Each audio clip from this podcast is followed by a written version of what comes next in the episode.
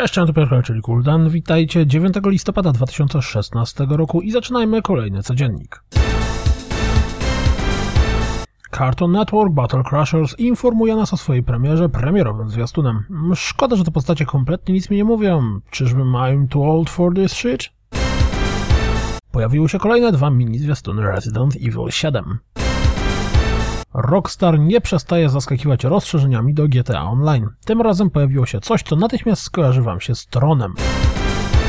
Sprawdźcie zwiastun Space Overlords, które w grudniu pojawi się na PlayStation 4, PlayStation 3 i PlayStation Vita. Wygląda jak coś, co na pewno spodoba się Kazowi. Na Steamie gra jest dostępna od marca i nie ma zbyt przychylnych ocen. Po HTC Vive Oculus Rift Eagle Flight doleciało hehe na PlayStation VR wraz z premierowym zwiastunem. Również Robinson The Journey premierowym zwiastunem zachęca nas do zagrania. Szkoda, że ta gra nie wygląda tak jak na tym zwiastunie. Premierowy zwiastun dodatku Przetrwanie do Tom Clancy's The Division zachęca nas do powrotu do gry. Pojawił się kolejny zwiastun Watch Dogs 2. Pamiętacie filmik, do którego ewidentnie nawiązuje? EA zarejestrowało markę Need for Speed Arena. Naturalnie na tą chwilę kompletnie nic to nie oznacza. Do EA Access dołączyły właśnie trzy części Mass Effecta, w sam raz, żeby odświeżyć sobie do premiery Andromedy. Bonus preorderowy do Mafii 3, paczka trzech broni właśnie stała się dostępna dla wszystkich za darmo. YouTube dodał wsparcie materiałów obsługujących HDR.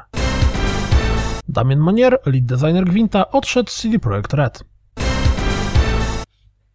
W trakcie Q&A dotyczącego 25-lecia marki Warcraft, Frank Pierce, współzałożyciel Blizzarda, poinformował, że firma nie ma zamiaru remasterować pierwszych części gry. Według Pierce'a z dzisiejszej perspektywy nie są one już tak grywalne jak kiedyś. Dostępny na zaproszenie program Xbox One Preview niedługo zamieni się na dostępny dla każdego Xbox Insider Program. Jeśli wyczekujecie Final Fantasy XV, to może warto sprawdzić YouTube'owy kanał Square Enix, bo wrzucili na niego 16 mini zwiastunów związanych z bonusami preorderowymi do gry. To wszystko na dziś. Jak zawsze dziękuję za słuchanie. Jak zawsze zapraszam na www.rozgrywkapodcast.pl. Jeśli doceniacie moją pracę, wesprzyjcie mnie na Patronite i mam nadzieję słyszymy się jutro. Trzymajcie się. Cześć!